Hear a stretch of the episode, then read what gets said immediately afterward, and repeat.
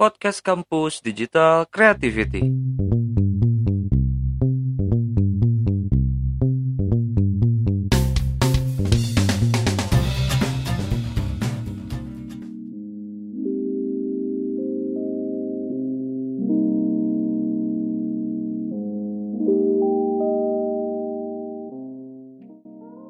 Hai, selamat datang di Potiandu. Perkenalkan nama aku Eka Kurniawan. Di sini aku sebagai host. Seperti janji aku di trailer yang sebelumnya, eh, aku nggak akan bakal sendiri. Di sini aku bakal ditemenin sama teman aku sebagai co-host juga. Eh, dia seorang lulusan psik- eh, psikologi di Universitas Pajajaran Bandung. Oke, kita kenalan dulu aja nih ya sama teman aku ya. Halo Nandita. Halo. Halo. Em, boleh mungkin perkenalan dulu ya dari nama, eh, lulusan, jurusannya juga Oke, oke. sebelum kita mulai ya. Um, Oke, eh, perkenalkan nama aku Nandita, Nandita Tamara Putri, tapi biasa dipanggil Nandita. Oke, Eh, aku lulusan dari Fakultas Psikologi Universitas Pajajaran. oke, oke. Tuh, lulus tahun berapa? Perlu nggak? Ah, mm, jangan deh, nggak usah deh, nggak usah deh. Itu nanti kalau misalkan ada yang mau Ah, boleh iya, cek ya. langsung IG-nya aja sih ya, bisa DM atau follow dulu eh, kan Nanditanya. ya. Oke, Oke. eh, Nandita, eh, di sini kita mau bahas sebuah cerita nih. Oke. eh Oke, kita bakal bahas sebuah cerita dari seseorang yang udah nge-share sama aku juga. Eh Mm, dia juga mau minta pendapat dari kita. Kira-kira menurut pandangan kita tuh seperti apa dari cerita ini gitu. mm, Nah, mungkin oke. di sini eh, Nandita sebagai orang yang eh, sebagai lulusan psikologi Unpad mungkin bisa punya pandangan yang lebih apa ya, lebih lebih teoritis mungkin ya, lebih ada ada teorinya gitu menurut menurut eh, ilmu psikologi gitu. Oke, Eh, aku mungkin nanti aku bakal ya coba menanggapi eh, sesuai dengan kapabilitas aku gitu ya kan. Iya, iya. Eh, hmm, sesuai dengan eh, apa yang aku tahu gitu dan siapa tahu kan dari sharing-sharing ini eh, bisa menda- mendatangkan banyak manfaat juga ya. Iya. Ah, Oke, aku mulai ya ceritanya ya. Aku baca ceritanya. Aku siswa kelas 1 SMP negeri di Bandung. Memiliki permasalahan keluarga yang cukup rumit di umur aku yang masih cukup kecil ini. Aku anak pertama dari dua bersaudara. Adik aku masih bersekolah di kelas 3 SD. Eh, Keluarga aku sedang mengalami masalah yang cukup rumit. Orang tuaku sedang dalam proses perceraian. Sebelumnya sempat aku mendengar mereka berantem setiap malam. Dan suatu hari, malam hari, aku dan adik aku dipaksa untuk ikut bapakku pergi dari rumah dan tinggal di rumah nenek dari bapakku. Sejak itu aku tinggal sama bapakku dan melakukan semua pekerjaan rumah yang biasanya dikerjakan ibuku. Karena bapakku sibuk untuk bekerja. Yang aku tahu dari cerita bapakku, mereka percaya karena ibuku selingkuh. Dari situ aku mulai membenci, membenci ibuku. Karena meninggalkan aku dan adik aku yang masih muda, yang membutuhkan bimbingan orang tua terutama sosok ibu. Oke, pertanyaannya, apa wajar untuk aku yang membenci ibuku sendiri karena sudah meninggalkan aku? Bahkan membuatku terlibat untuk pekerjaan rumah? Bahkan membuatku sempat kewalahan karena aktivitas aku sebagai pelajar? Oke, pertanyaan itu nih, Nan. Kira-kira menurut Nandita gimana tanggapannya? Hmm, Aku nanti. Oke. Aku mau dengar secara um, teorinya dulu sih. Baru aku bisa ikut. Oke. Oke, em, sebelumnya aku mau ngucapin makasih makasih dulu sih Oke. karena eh ya karena udah mau berbagi cerita sama kita gitu ya di sini. Oh iya, Uh, untuk yang udah bercerita di sini terima kasih untuk kepercayaannya. Hmm, aku tahu ini pasti nggak gampang juga kan buat eh, dia gitu, apalagi di usia yang masih masih muda banget gitu kan ya tadi Iya. pas berarti satu SMP kan ya? Iya, kelas 1 SMP. Hmm, masih muda banget kan, gitu. Jadi eh, mau makasih dulu aja sebelumnya. Nah kalau terkait dengan eh, tadi pertanyaan tadi ya, apa wajar gitu ketika eh, dia ini membenci ibunya gitu ya, Mhm. dengan hal-hal yang tadi juga udah diceritain gitu kan. Mhm. Nah eh, sebenarnya terkait perasaan atau emosi marah yang dirasakannya sendiri menurutku itu wajar sih uh, wajar banget gitu ya setiap orang pasti pernah merasakan yang namanya emosi marah gitu Iya. karena uh, basicnya emosi marah itu sama halnya seperti emosi senang sedih gitu kan Jadi ya Eh, hal yang ya, lumrah lah bagi manusia ya. Iya benar marah itu juga salah satu bagian dari eh, emosi emosi manusia. Hmm, Gitu. Oke. Nah tapi mungkin di sini eh, yang perlu agak diperhatikan adalah em, apa ya de derajat kemarahannya atau eh, tingkatan gitu tingkatan kemarahannya segimana sih gitu yang wajarnya gitu kan Iya kayak betul. gitu. Mm-mm, gitu. Kalau dari KK sendiri gimana nih pendapatnya Eh, pas dengar cerita ini setelah baca cerita ini? Kalau dari ceritanya sendiri gitu maksudnya, pertama dia marah itu bukan sembarang marah mungkin kayak ke teman atau sama orang yang baru dikenal atau sama siapa pun, tapi sama orang yang memang sudah dekat dari lahir gitu. Jadi kayak bisa dibilang Hmm. kalau menurut aku sih nggak wajar karena mungkin yang dibenci itu sosok sosok orang yang, yang sangat penting gitu tapi Hmm. ada alasan yang bisa membuat eh, ini menjadi sangat logis gitu kenapa dia sangat membenci gitu dari yang tadi Hmm. cerita ya karena impact impact dari ke orang ini tersebut eh, sama orang ini juga memang cukup gede gitu jadi ya wajar lah kalau misalkan dia bisa sebenci itu tapi ya jadinya kayak setengah-setengah gitu loh Hmm. Eh, jadi kalau menurut kakak ini tuh antara wajar tapi nggak wajar juga gitu ya? Iya, jadi kayak masih setengah-setengah antara wajar sih memang dia marah, tapi ya, yang bikin tidak wajarnya karena dia membenci ibunya sendiri. Itu sih. Hmm. gitu. Tapi eh, mungkin kenapa dia bisa membenci justru karena eh, sosok ibu ini kalau di psikologi itu ada namanya istilah caregiver. Jadi yang eh, memberikan mm, perhatian paling utama gitu untuk anaknya gitu. Ah, ketika dia memang sebenarnya sedang membutuhkan sosok caregiver ini di usia-usia dia yang sekarang di usia pertumbuhannya dia dan malah eh, sosok yang gak ada mungkin itu yang apa ya menyebabkan kekecewaan gitu di diri dia gitu kan Oke, Ya, oke. gitu sih kalau kalau menurut aku gitu Jadi karena memang sang anak ini tuh menganggap sosoknya ini sosok yang sangat penting. Jadi ketika ada sebuah apa ya eh, kesalahan yang sangat cukup fatal, jadi itu jadi berimpact besar juga. Jadi ya berarti memang bisa dibilang wajar sih ya, berarti. Mm-mm-mm. jadi memang karena eh, sosok ibu tuh kan eh, pasti sangat penting ya untuk seorang anak gitu. Nah, ketika sosok ini nggak ada gitu ya, ketika dia merasa mungkin juga merasa kehilangan gitu kan, gitu. Jadi makanya kenapa dia bisa juga mere- apa ya kayak istilahnya kayak merembet gitu kak. Jadi marah dan lain sebagainya gitu emosi yang dirasakan. Oke, tapi oke. Eh, dari sebenarnya kan ini kita bisa lihat dari impactnya ya, karena pertama dia dari eh, kejadian itu di umur dia yang masih cukup sangat muda, ketika dia masih kelas 1 SMP Mm, dan sudah mm, me- apa ya, sudah bisa dibilang dia sudah mulai mandiri lebih dini gitu. Jadi kayak nah, sudah melakukan iya. semuanya sendiri, sudah mulai Mm, melakukan semua pekerjaan rumah sendiri, bahkan tanpa ada sosok yang lebih Hmm. penting tadi itu. Kira-kira mm, mm. apa bakal lebih sulit ke depannya sebagai orang yang seperti eh, yang diceritakan di sini?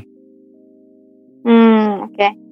Eh, sebenarnya justru eh, menurut aku sih eh, apa ya ini ini mungkin justru jadi hal yang baik, hal positif gitu ya di balik situasi yang terjadi saat ini gitu. Oke. Eh, walaupun emang ya walaupun memang dari mungkin dari segi situasinya kurang mengenakan gitu kan yang terjadi gitu. Tapi di setiap situasi yang kurang mengenakan pasti masih ada hal-hal positif, hal-hal baik yang bisa kita ambil gitu kan ya Hmm, Nah, menurut aku tuh ini pelajarannya gitu loh kak kayak kita eh, si anak ini bisa belajar mandiri bener tadi yang kakak bilang bisa le- belajar lebih mandiri gitu kan. Terus juga mungkin juga dia nanti bisa belajar gimana nih cara mengontrol eh, perasaannya gitu.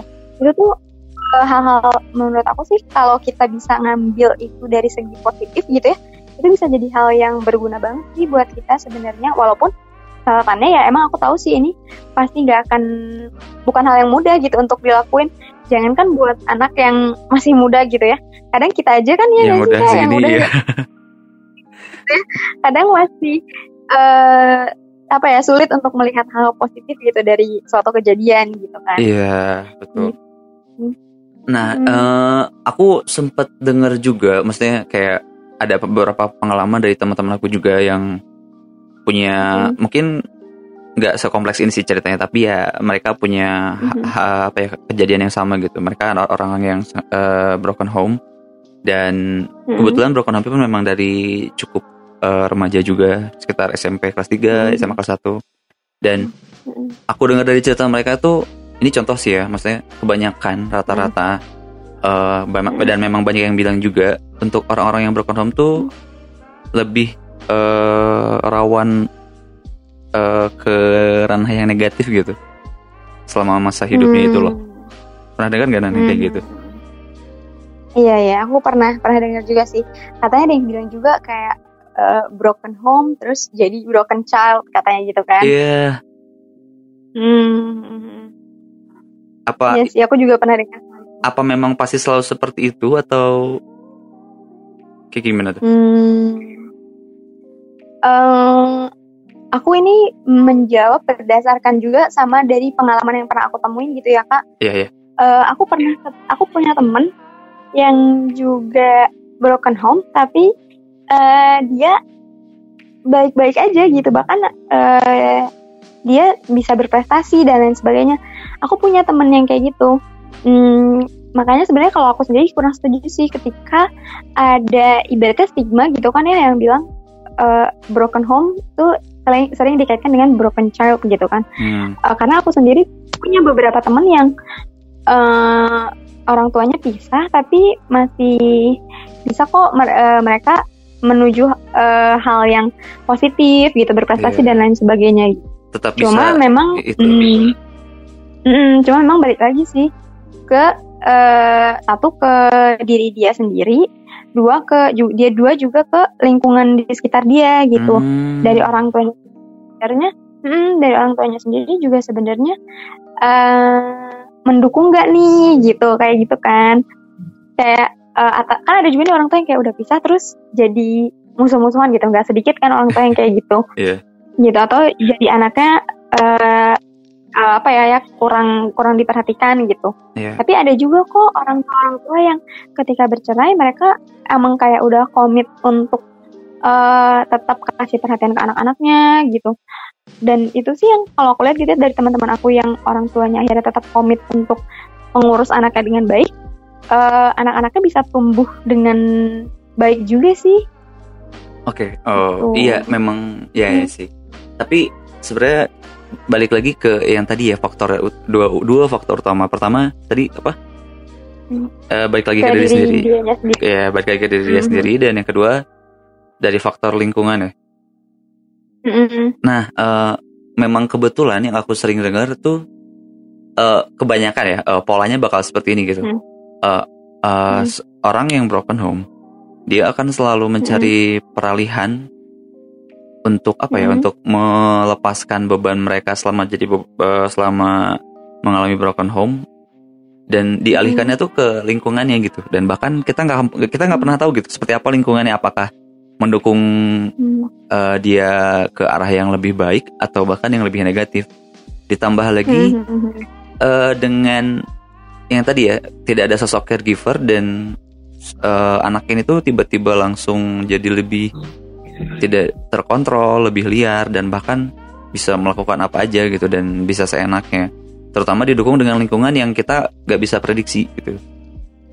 Mungkin Hmm. dari situ mungkin ya ada ada mulai ada asumsi ada stigma bahwa broken home means broken child mungkin ya.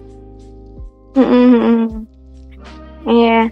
Nah, sebenarnya kalau tadi eh yang dibilang kayak ka- kayak cari apa sih pelarian ya tadi? Iya. Ah, gitu. Nah, yang tadi aku bilang sebenarnya bisa balik lagi ke anaknya sendiri gitu ya.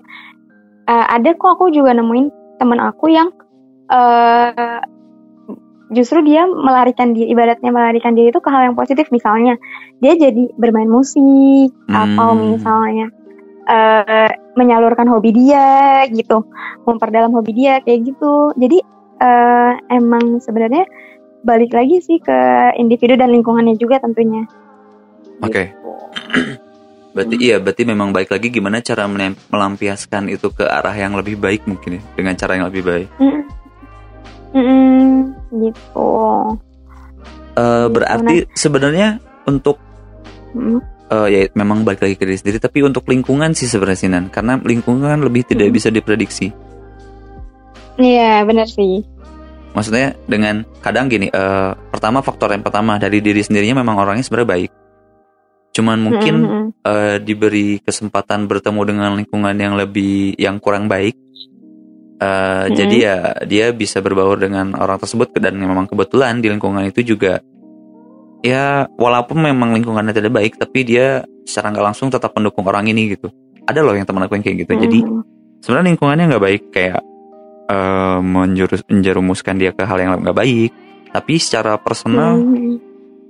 Ke orang tersebut tuh memang dia care gitu dia ngerti apa yang dia rasain gitu jadi ya mungkin hanya melampiaskan dengan cara yang nggak baik aja nah kira-kira untuk ngontrol Mm.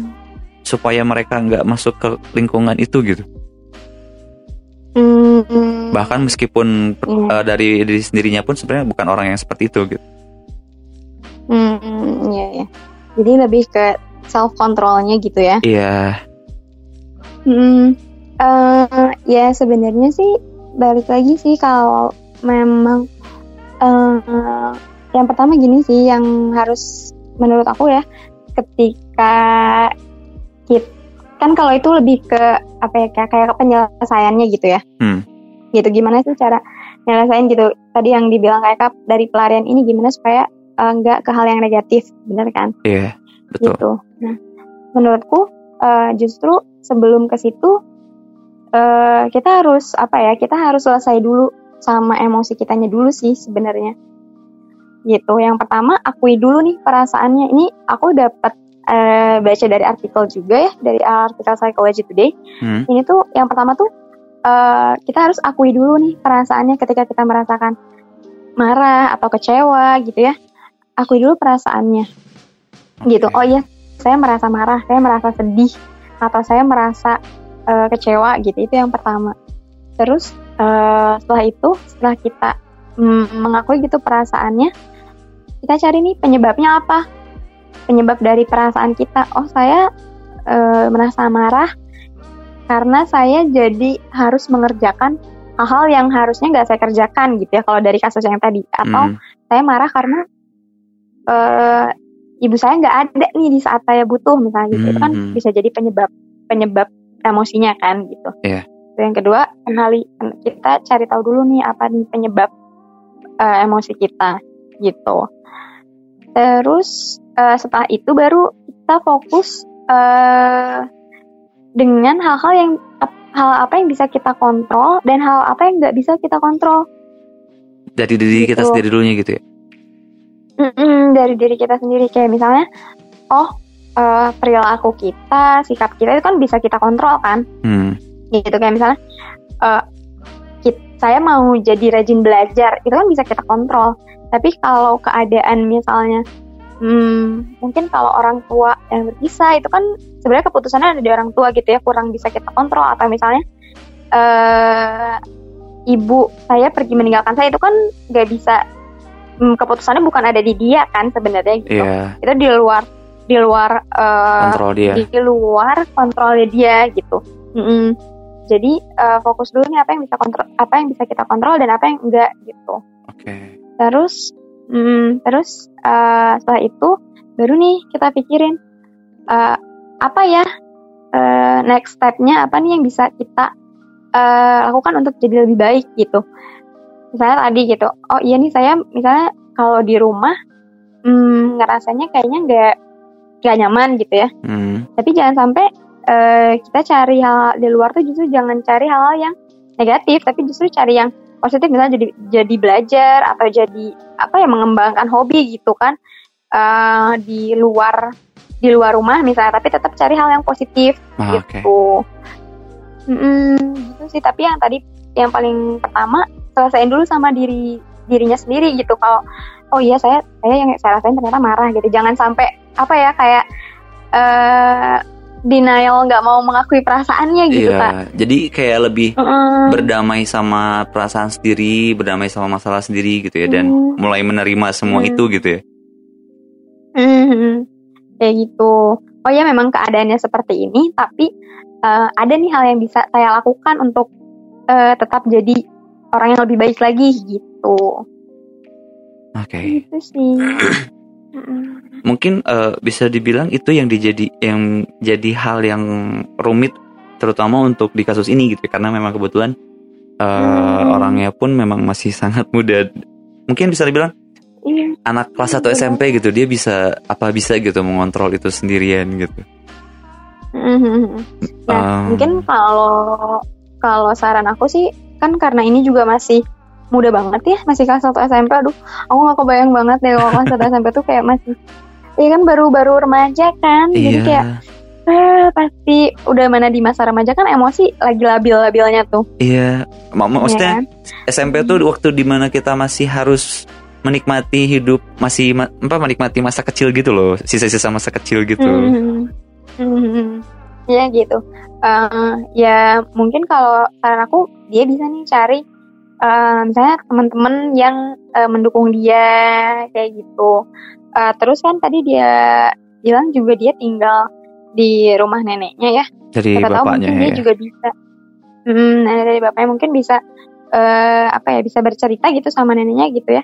Jadi meng hmm, apa ya mencari tetap cari support system sih karena menurutku di umur segini pasti masih butuh support system kan gitu. Jadi mungkin bisa dari tadi keluarga yang sekarang ada entah itu dari eh, bapaknya atau dari neneknya atau eh, mungkin dari teman-temannya gitu Oh, gitu sih karena pasti nggak pasti nggak gampang banget kan di usia muda kayak gini iya Hmm. umur yang segini dan mengontrol diri dia sendiri gitu maksudnya pasti Hmm. banyak hal yang miss gitu untuk pasti banyak hal yang eh, ya dia bisa eh, cukup apa ya denial jadi kayak mulai ah bodo amat gitu. Ya udah terserah aku aja gitu. Maksudnya ya Mm-mm. kayak mulai menyalahkan keadaan. Jadi kayak memang butuh tetap butuh support system dari lingkungan dia gitu ya.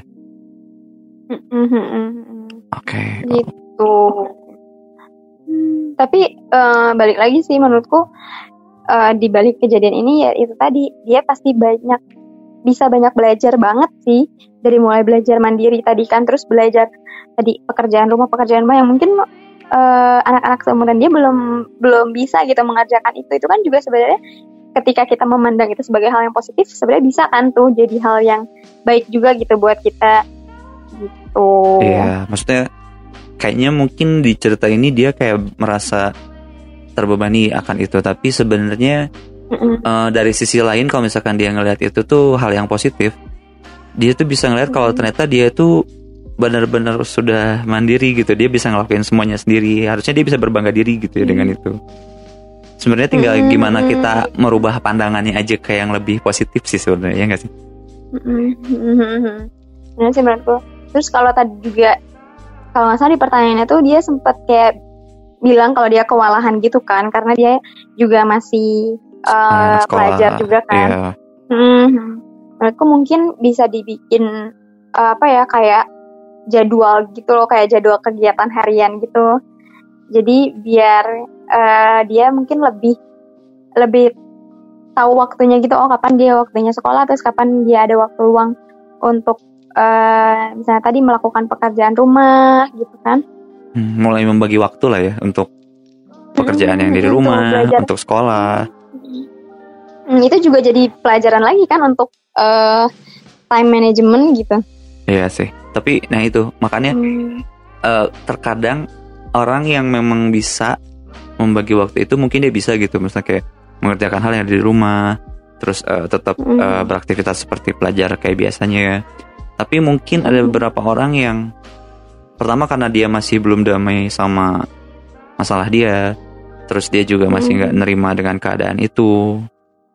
Eh, Mhm. Banyak yang malah jadi sebodoh amat itu gitu. Maksudnya kayak ya udah dia bahkan sampai ya itu balik lagi ke lingkungan yang kurang baiknya tadi gitu. Maksudnya Hmm. eh, anggaplah eh, tadi kan dicerita memang si sang ayahnya pun memang sibuk untuk kerja dia punya adik. Oh iya adik. Mm-mm. aku lupa nih ada adik di sini. Sebenarnya ini bisa Oh, jadi iya, patokan sih untuk seorang kakak untuk lebih apa ya lebih baik harusnya di depan adiknya. Iya nggak sih Oh ya, jadi kayak termotivasi gitu ya, iya nah, buat jadi lebih baik demi adik, dem apa untuk adiknya gitu. Iya, jadi kayak lebih eh aku punya adik nih. Sekarang keadaannya seperti Mm. ini, maksudnya aku harus bisa contoh yang baik untuk adik aku gitu maksudnya.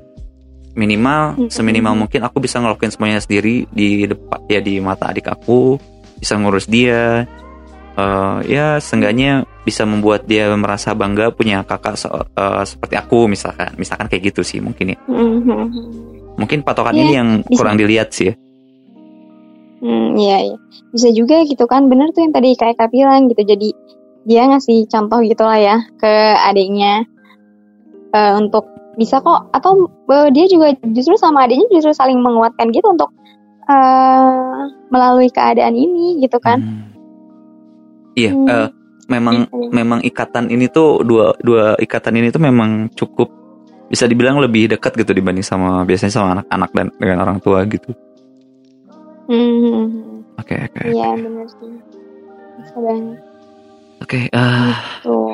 cukup dalam juga ya ini bahasannya sebenarnya. Iya. A- Aku aku aja Iya, dengar tapi- dengar ceritanya cukup kaget sih maksudnya dengan anak kelas 1 SMP dengan permasalahan seperti ini gitu. Mhm. Iya sih. Nggak Tapi mungkin Kak Eka ada pesan-pesan gak gitu buat eh, si adik ini gitu yang lagi eh, apa lagi memiliki masalah ini. mengalami sit- hmm, lagi mengalami situasi ini. Kira-kira Kak Eka sendiri ada pesan-pesan gak sih buat eh ya buat dia yang udah bercerita ini? Eh, Oke, em, aku nggak bisa cerita atau kasih saran yang cukup baik sih, tapi Mm-mm. karena memang ada beberapa teman aku yang ya punya hal yang mirip dengan adik yang satu ini. Jadi Hmm. intinya eh tetap percaya sama diri sendiri. Terus baik lagi seperti eh, kata Kanandita yang tadi eh, berdamai sama masalahnya, coba menerima kenyataan atau menerima semua yang terjadi gitu dan tetap eh, apa ya tetap optimis untuk melanjutkan hidup dan mencapai yang diinginkan. Itu aja sih. Kebanyakan eh, orang-orang yang aku kenal yang memiliki masalah seperti ini eh, memang punya ada ada titik di mana mereka eh, sedih marah sa- eh, keras banget pokoknya orangnya. Tapi setelah itu beres pun di situ malah ada titik di mana eh, mereka tuh melunak dan malah memulai membuka harapan baru gitu loh. Jadi kayak oke nih aku udah marah, aku udah ngelampis, ngelampiasin semuanya, udah udah kesel, udah udah Hmm. ngelampis, ngelam- ngelampiasin ke ada beberapa hal. Setelah dia akhirnya capek sendiri, pasti selalu ada titik di mana mereka berpikir, "Eh, aku nggak bisa nih gini terus gitu. Kebanyakan yang aku sering dengar ceritanya pasti seperti itu gitu nah. Jadi kayak Hmm. Oke, aku nggak bisa kayak gini terus. Nggak bisa bergantung sama masalah Hmm. ini. Aku nggak bisa bawa-bawa masalah ini sampai aku gede nanti.